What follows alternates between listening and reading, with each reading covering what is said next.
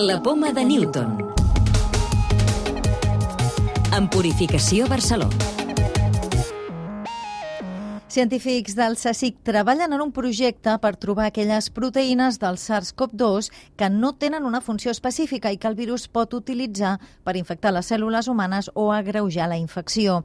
I dediquem el programa d'aquesta setmana, en el qual també descobrirem una investigació per saber per què alguns avis semblen estar més protegits davant la Covid-19 i com pot influir el microbioma en l'efecte d'una vacuna contra la infecció.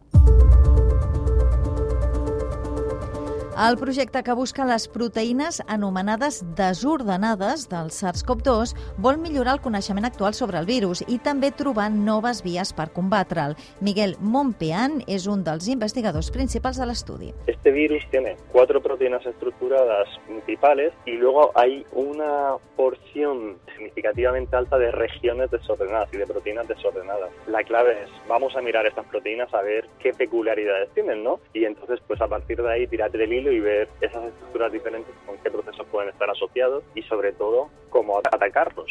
I per fer-ho han utilitzat una tecnologia innovadora de ressonància magnètica que permet veure els àtoms de les proteïnes. El fundamento es parecido al del hospital, pero son unos imanes mucho más potentes porque lo que queremos ver es mucho más pequeño. Queremos ver los átomos de las proteínas. Entonces, cuando las proteínas están desplegadas, el no tener forma impide que se puedan cristalizar o que se puedan visualizar al microscopio. Pero, sin embargo, con la resonancia magnética nuclear sí que podemos ver dónde estarían esos átomos sin ninguna limitación. Identificar aquestes proteïnes desordenades podria ajudar, per exemple, a dissenyar molècules que les inactivin i evitar així que el virus ens infecti o que la infecció sigui greu.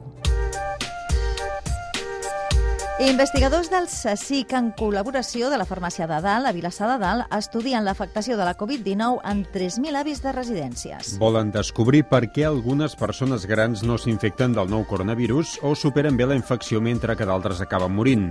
Diego Ramiro és el cap de la recerca. Queremos ver qué características hacen especiales para que María Brañas, con 113 años, haya pasado el coronavirus, se haya recuperado y no haya fallecido, y otras personas con menor edad, por ejemplo, hayan fallecido. El microbioma pot modificar la possible resposta davant una futura vacuna contra la Covid-19. És el que apunta Roger Paredes, investigador d'Irsi-Caixa, que estudia la influència dels microorganismes del cos en infeccions com la de la sida o del nou coronavirus. El que veiem és que les persones que tenen aquesta capacitat de poder controlar aquest virus de manera espontània sembla que tenen un, un perfil de microbioma que podria ser més inflamatori. Però si es confirmen aquestes dades, podríem saber a qui li podríem donar una vacuna amb possibilitats de que respongués o més possibilitats que respongués. Un component trobat als repel·lents d'insectes, el citriodiol, pot matar el coronavirus. És el que asseguren científics militars del Regne Unit, que van analitzar el producte perquè ja havia donat bons resultats contra altres coronavirus. Tot i això, els resultats són preliminars i caldran més estudis per confirmar aquests efectes contra el virus.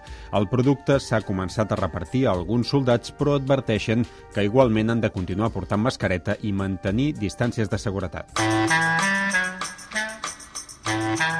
Llibres de ciència.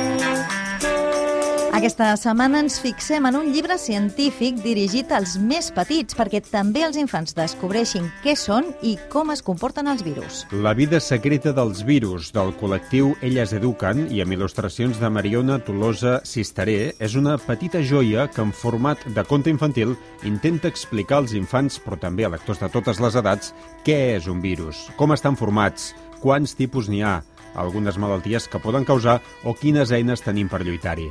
També hi trobarem explicacions científiques acompanyades d'il·lustracions per saber què és una pandèmia o fins i tot un petit resum de la nostra relació amb els virus al llarg de la història. La clau de volta.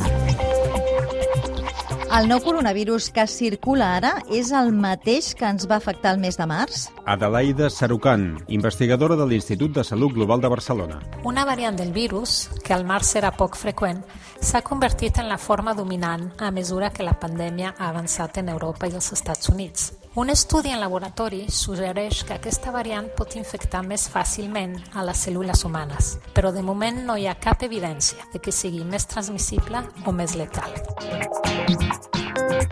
Recordeu que podeu descarregar-vos el podcast de la Poma de Newton o subscriure-us al programa per rebre'l directament als vostres dispositius.